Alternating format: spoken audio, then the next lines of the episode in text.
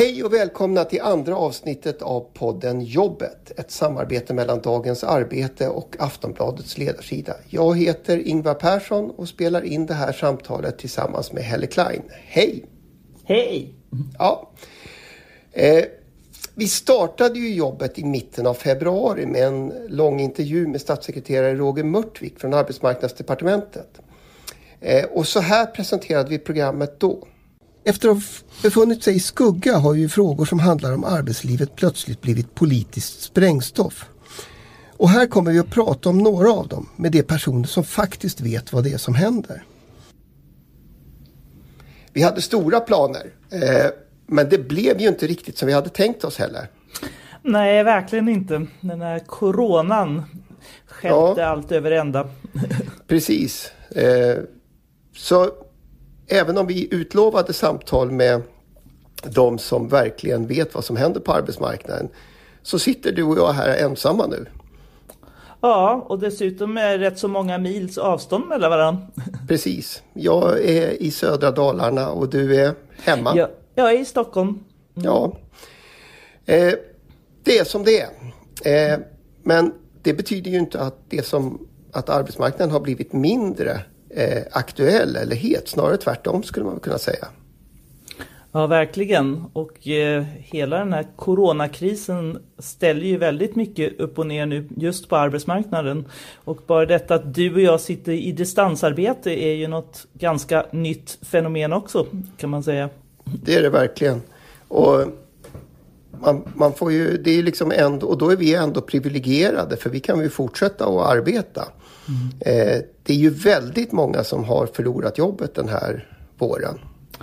Både förlorat jobbet eller blivit varslade men det är också de som tvingas gå till ett arbete eh, och inte kan jobba på distans och faktiskt utsätts för en hel del faror med den här förfärliga smittan. Ja men så är det ju. Och, och jag, jag vet ju att väldigt många arbetsplatser så har ju det här dominerat eh, faktiskt hela, hela vardagen. Mm. Här i närheten där jag bor vet jag att man till exempel de anställda kämpar för att få ha handsprit på, på verkstaden i samband med toaletterna och företaget säger nej. Oh. Eh, lite, alltså de, de använder ju argumentet att det skulle vara brandfarligt men eh, samtidigt andra avdelningar använder det och sådär. Det där är väldigt intressant. Vi, eh, vi skriver ju mycket om, om just skyddsombudens roll eh, och det blir väldigt spännande eller en helt ny situation för skyddsombud nu ute på industrier till exempel där man plötsligt ska eh, ta riskbedöma smitta. Det är inte precis det man brukar göra eh, som skyddsombud. Och där är ju precis de frågorna och många industri, de större industrierna då är det ju absolut över 50 som är på samma ställe också. Um. Ja, vilket ju då skulle vara förbjudet om det vore så att det var tillståndspliktigt. Mm. Uh, nej men precis. Och skyddsombuden, alltså framförallt har det ju varit väldigt mycket diskussioner i, i vården och omsorgen och, och kollektivtrafiken också där, där vi väl aldrig har hört talas om, om just skyddsombud så ofta som, som den här våren. Nej, precis. Och där är det ju det är ju verkligen alltså eh, vården och äldreomsorgen är ju den stora skandalen skulle jag vilja säga i ja. eh, det vi har sett nu eh, med, och som vi ju egentligen har sett i många många år om hur, hur man har eh, hur det fungerat och hur det har nedmonterats också och med alla dessa osäkra anställningar och dålig skyddsutrustning och inga lager. Eh, så det, det har ju verkligen blivit tydligt i den här coronakrisen. Men det är överhuvudtaget tycker jag är intressant att hela samhället som har byggt på väldigt mycket just in time eh, visar sig nu otroligt sårbart just för att man har haft det tänket från industriproduktion till vård och omsorg. Mm.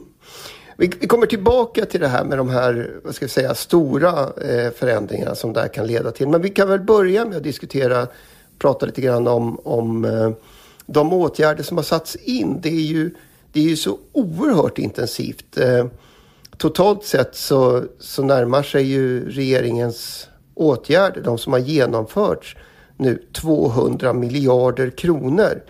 Det är liksom Ofattbara siffror. ja, eller hur? Alltså, jag menar, det är bara ett par månader sedan vi nästan fick en regeringskris kring ett par miljarder. Eh, när, när man diskuterade tillskott till de offentliga, eller kommunerna ska jag säga. Mm. Eh, men om man tar några av de här sakerna som har gjorts. Eh, korttidspermitteringar som omfattar 300 000 anställda. Eh, hur viktigt har det varit för industrin från ditt perspektiv? Enormt viktigt skulle jag vilja säga. Och man kan väl säga att själva modellen började ju en gång i tiden eh, under finanskrisen eh, där ju IF Metall och Industrifackförbunden eh, slöt den typen av sorts eh, ja, korttidsavtal. Men sen har man ju drivit också fram detta politiskt kan man säga och, och eh, Anders Färbe eh, kom ju också med förslag om hur staten skulle vara mer på tårna och, och införa detta med korttidspermittering där det också skulle skulle ingå egentligen en kompetensutvecklingsdel. Eh, den har ju inte riktigt eh, följt med nu men det vi har sett är ju faktiskt styrkan i svenska modellen att man har aktiva parter på arbetsmarknaden som i en mycket, mycket snabb omställning fick till tusentals sådana här eh, korttidsavtal nu i alla branscher nästan. Eh, så att eh, det betyder jätte, jättemycket och inom industrin är det helt nödvändigt skulle jag vilja säga.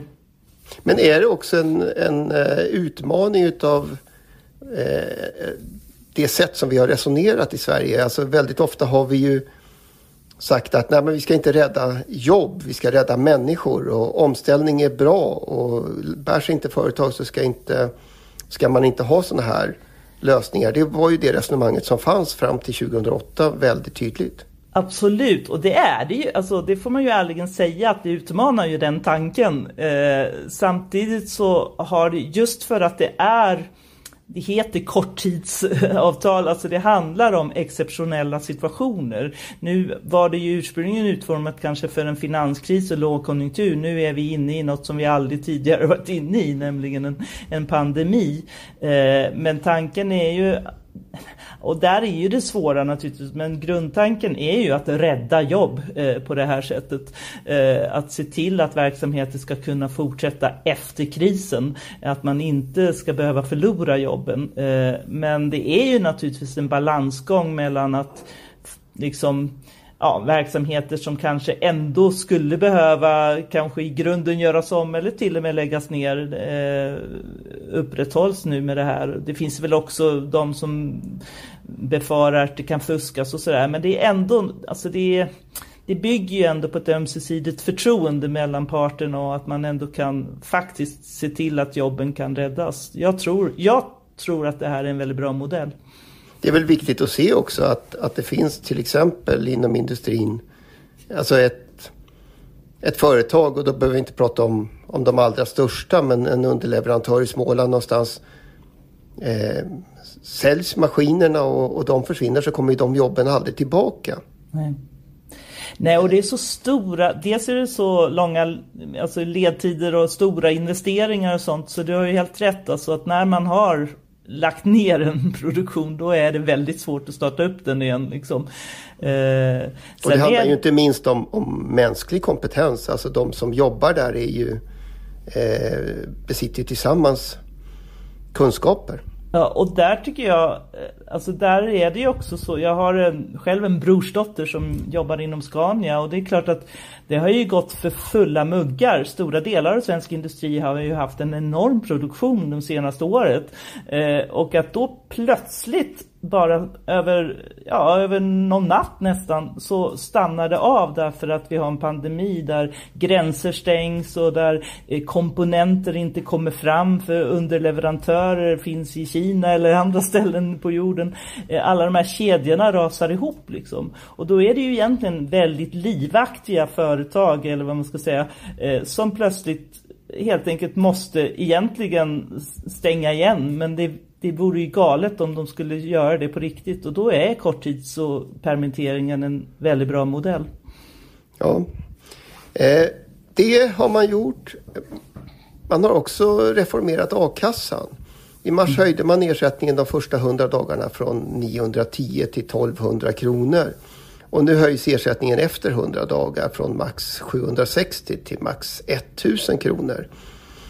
Vad betyder det där för människor som riskerar att förlora jobbet eller som faktiskt har förlorat jobbet?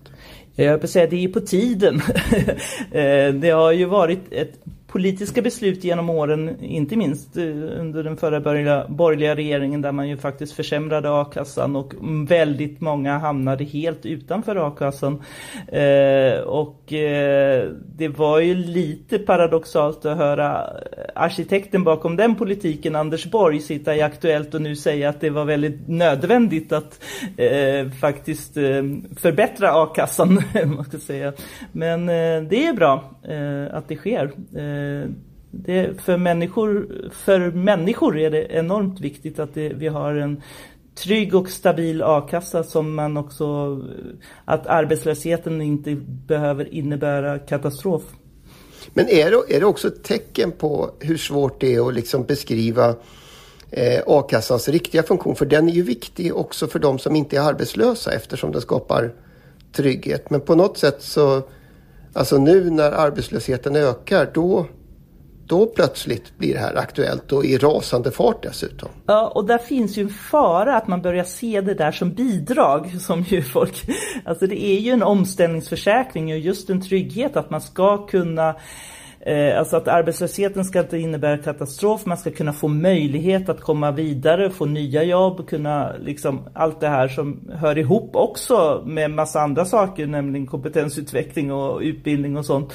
Eh, och den, det, det perspektivet, det tror jag du är helt rätt i, att det är väldigt svårt att få in det i debatten. För ofta har a-kassan liksom liknats vid något bidrag och det är väl, och så har det funnits det här föraktet att folk är väl lata och söker inte jobb eller liksom, eh, vilket ju är en absurd, tycker jag, eh, påstående. Men, men ja, nu är det ju total kris och alla inser att det i alla fall måste till trygghetssystem och eh, omställningssystem som fungerar. Samtidigt var de första jobben som försvann, eller, och i väldigt hög grad de, de jobb som faktiskt har försvunnit redan, eh, fanns ju i servicesektorn och, och handeln. Och där vet vi ju att både den fackliga organisationsgraden och anslutningsgraden till a-kassan har varit väldigt låg. Nu ändrade man ju lite på kvalifikationsvillkoren. Mm. Eh. Och där får man väl säga att, att eh, det är väl möjligen det enda goda eller hoppfulla med coronakrisen att faktiskt väldigt många nu söker medlemskap både i facket och går med i a-kassan för att de också har möjlighet att gå med i a-kassan. Eh, och det är enormt viktigt. Jag ser på inom industri och IF Metalls områden så är det tusentals nya medlemmar som strömmar till just nu. Eh, och så har det ju inte riktigt varit. Vi skulle precis göra en granskning här på vårkanten om eh, de alarmerande siffror som visar att LO har sjunkit och TCO egentligen har blivit större än LO men så ser det faktiskt inte riktigt ut längre. Nej, och, och just servicefacken, hotell och restaurang hade väl en väl, alltså deras a-kassa åtminstone hade en väldig tillströmning. Ja. Eh, och det är väl, alltså jag, jag tycker ju att det här egentligen, ersättningsnivåerna är naturligtvis oerhört viktiga, de måste vara rimliga men men ett av de allra största problemen med, med den a-kassa vi har haft har väl varit just att de som behöver den allra bäst mm. har faktiskt inte kunnat inte, få den. Nej, nej exakt. Mm. Och, Nej, och, och det har ju varit skrämmande. Jag menar hundratusentals som har stått utanför hela det systemet och det, det där är, jag håller helt med dig, det är verkligen det största problemet. Och det finns nog mer att göra där. Ja, framförallt så borde man väl permanenta de här förändringarna. Ja, verkligen. Och det kommer ju bli en politisk strid. Eh, för nu, nu ses allting som någon sorts undantag. Eh, men eh, det är klart att, att det är mycket man skulle önska kan permanentas. Ja, och att, att, men att gå tillbaka blir ju heller inte, måste ju framstå som väldigt egendomligt. Ja, verkligen. Och, och, dessutom, det är också svårt att veta vad, när infaller normaltillståndet igen. Eh, det kan ju vara en segdragen ekonomisk eh, kris faktiskt eh, under rätt så många år framöver. Det vet vi ju ingenting om. Och där... Nej, och, ja. även en, en, och jag menar ingen vet ju heller riktigt när, när pandemin är över. Det är, väl, det är väl precis, jag, jag förmodar att du sitter och funderar över det som, som chef. För, alltså när, vad ska hända för att vi ska liksom återgå till något vanligare sätt att jobba? Verkligen och jag menar det är två månader sedan jag har sett hela min redaktion fysiskt och det, jag har hela tiden tänkt vi tar vecka för vecka och, och men det skjuts ju framåt. Eh, mm. Så att det, det, är ju ingen som vet, det är osäkerhet. Men jag tänkte på det här med, med trygghet och arbetslösheten. En annan sak där är ju Arbetsförmedlingen. Ja, eh, nämligen den reformering som man politiskt har sagt att man ska göra eh, och också påbörjat, nämligen med väldiga neddragningar eh, av resurser, är ju den... Ja, dels tror jag överhuvudtaget inte riktigt på den idén som det bygger på men, men tajmingen är ju osedvanligt dålig. Eh, för nu är det ju faktiskt massarbetslöshet vi börjar se och kommer att få se. Eh, och då behövs en arbetsförmedling som eh, fungerar och inte är avlövad på alla resurser.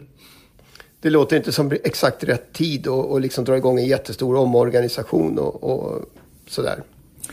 Jag hörde faktiskt om en som jobbar på Arbetsförmedlingen och, och, bara beskrev det som totalt kaos. Det är ju en enorm tillströmning nu av, av människor som söker jobb och samtidigt så är det sån orolig eh, intern, alltså organisationen fungerar inte som den gör och eh, man har inte resurser heller eh, till att vara arbetsförmedling. Men där kommer fortfarande inga nya signaler utan eh, beskedet från Eva Nordmark är väl detsamma som det vi fick av Roger Mörtvik för nu ett antal månader sedan. Planerna ligger fast och, och det här ska genomföras. Ja, och det är ju väldigt, väldigt märkligt skulle jag vilja säga och där tror jag ju att januaripartierna eh, Centern och Liberalerna de måste tänka om här. Alltså de här privatiseringsexperimenten det, det det får man väl möjligen utreda om de så gärna vill det. Men det går inte att hålla på med den eh, ja, experimentverkstaden just nu. Det är alldeles för allvarligt. I Aftonbladet har jag ju skrivit att det här är en fråga där eh, Stefan Löfven måste ställa kabinettsfråga. Ja, det är, det där är, det är raka puckar och jag håller med dig. Eh, det finns ju två saker där som kommer bli helt brännande. Dels är det Arbetsförmedlingens reformering och den andra är ju LAS-frågan. Det är ett särskilt ämne. Jag, jag tänkte vi får, vi får se om vi kommer in på det men eh, vi lär komma in på det under våren. Absolut. Jag tänkte ett annat ämne som har varit uppe i, i samband med de här stödåtgärderna. Det är ju aktieutdelningar. Eh, precis när det här drog igång så delade ABB ut nästan 18 miljarder till sina ägare. Det är inga små pengar. SKF bestämde sig för att tacka nej till permitteringsstöd när, när det visade sig att det inte skulle gå att förena med att dela ut pengar. Utan då var det viktigare att dela ut pengar till aktieägarna. Mm. Eh, och samtidigt så kom ju Volvo AB med, eller AB Volvo med besked här. Mm. Att styrelsen föreslår att man ställer in eh, utdelningarna. Vad är rimligt där?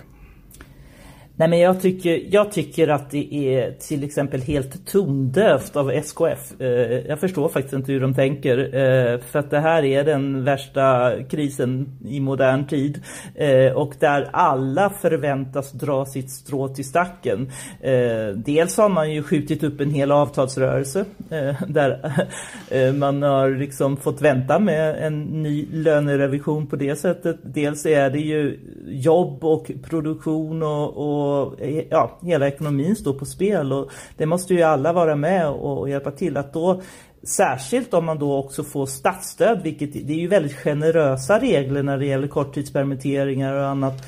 Eh, och massa andra företagsstöd. Du läste ju upp hur många miljarder det är som ges nu i krispaket. Och det, det är ju skattepengar. Eh, och att då det delvis ska gå till vinstutdelningar, det är faktiskt det är Cocobello. Cocobello. Det är väl, alltså det är väl värt att och liksom i alla andra sammanhang så säger ju alltid ägarna att ersättningen är en ersättning för den risk man tar. Mm. Eh, och det här är ju en, en risk eh, förstås.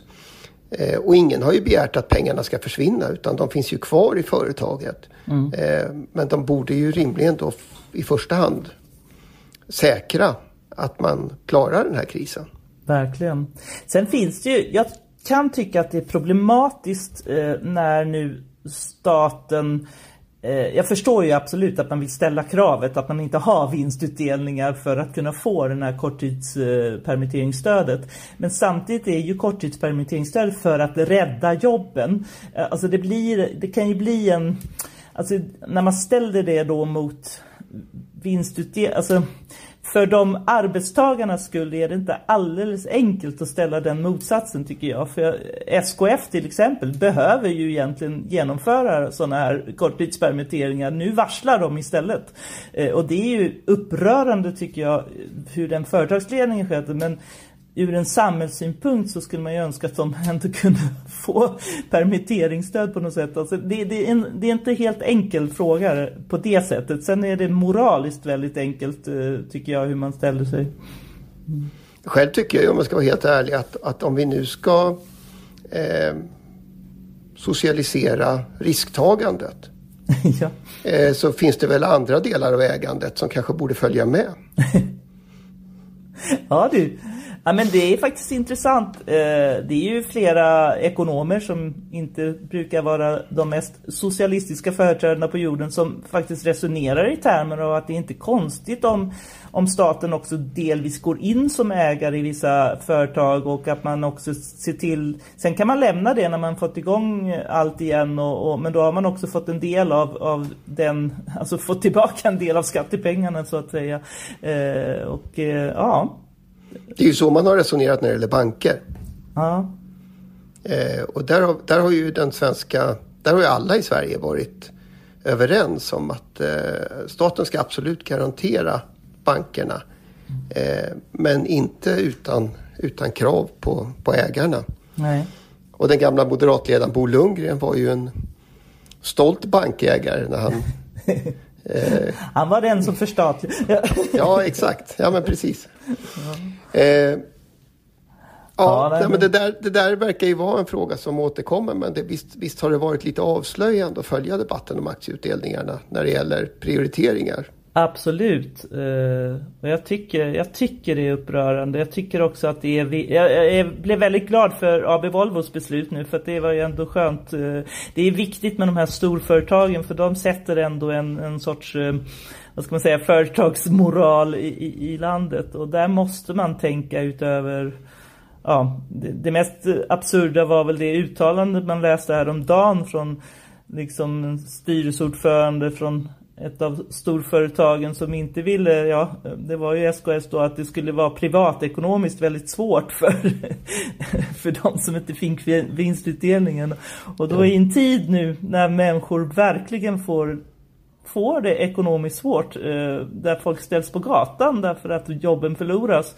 Eh, och vi kommer se enormt ökad fattigdom faktiskt, om jag ska uttrycka mig krasst. Eh, då blir det ja, det blir faktiskt osmakligt att höra det när det handlar om redan väldigt rika.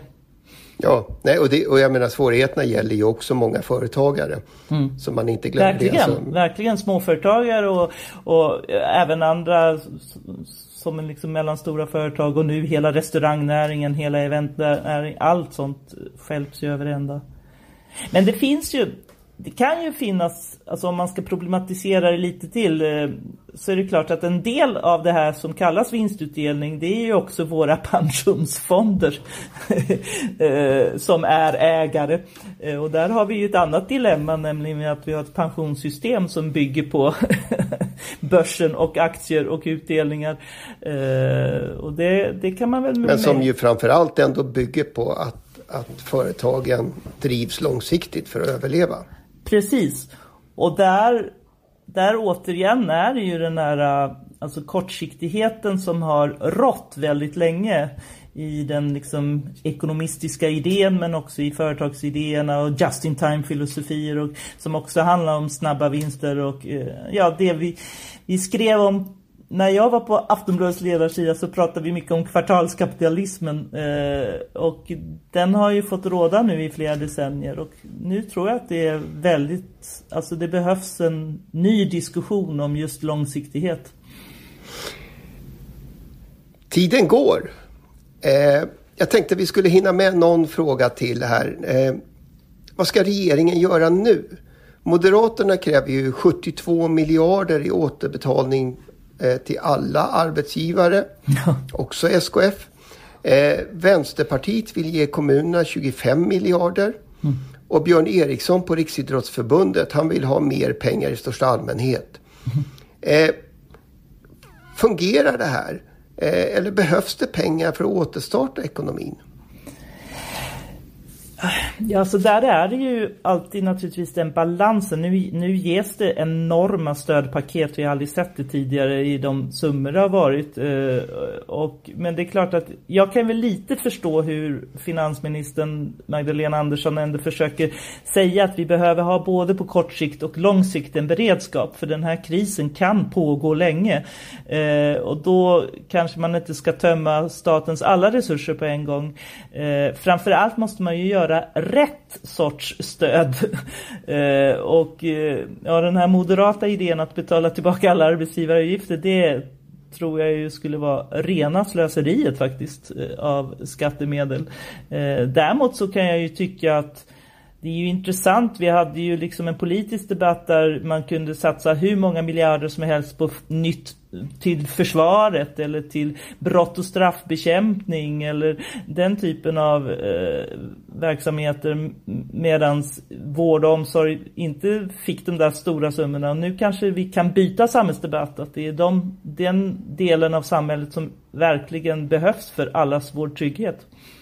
Det är alltså, för det är också värt att komma ihåg att just nu är det ju inte brist på pengar som gör att efterfrågan har slutat. Utan folk stannar hemma och går inte på krogen eller åker inte och handlar därför att de är eh, försiktiga eller för att de är rädda eller för att de har uppmanats att inte göra alla de där mm. sakerna. Mm. Eh, men det är klart att, att när, när ekonomin ska återstarta igen då är det ju väldigt viktigt att den där ensamstående föräldern har råd att äta en pizza. Mm när lönen kommer eller, mm. eller handlar de där eh, nya kläderna till, till barnet eller mm. att pensionärerna har råd att ja, gå ut och ta en fika. Och här ser man ju, alltså jag tänker bara om man blickar i, i ett europeiskt perspektiv så är det klart att det är ju, man ser ju i Italien, Spanien, vissa länder där alltså det är folks har inte alls de trygghetssystem som vi har eh, och ställs på gatan och eh, där det är faktiskt eh, riktigt, riktigt otäckt med hur det kommer bli en ny fattigdom och en massa arbetslöshet. Eh, och vi kan se de tendenserna även i Sverige om vi inte eh, ser upp. Eh, så att jag, jag tror att de sociala frågorna och vård och omsorgsfrågorna och sen arbetsmarknadens, alltså trygghetsfrågorna och omställningsfrågorna, de kommer vara, de bör vara i centrum för den politiska debatten nu under flera år framöver. Eh, och inte brott, straff och försvar. Och det är ju bra, eh, för det betyder ju att vi kommer ha massor att prata om i podden Jobbet eh, i en eller annan form. Eh, arbetslösheten, Arbetsförmedlingen, skyddsombuden, LAS-förhandlingarna eh, och kanske det kommande valet av LO-ledning för att bara ta några sådana där exempel som, som liksom står för dörren. Och framtidsdebatten. Eh, och framtidsdebatten förstås. Eh, vi kommer att komma tillbaka i en eller annan form. Eh, och fram till dess finns ju hela tiden både Dagens Arbete och Aftonbladets ledarsida att läsa. Mm. Och det är ju underbart. så är det. Vi får tacka så hemskt mycket. Ja. Eh, och det här var en annorlunda inspelning men eh, det blev en, ett program. Absolut. Vi kommer igen. Ja. Hej då.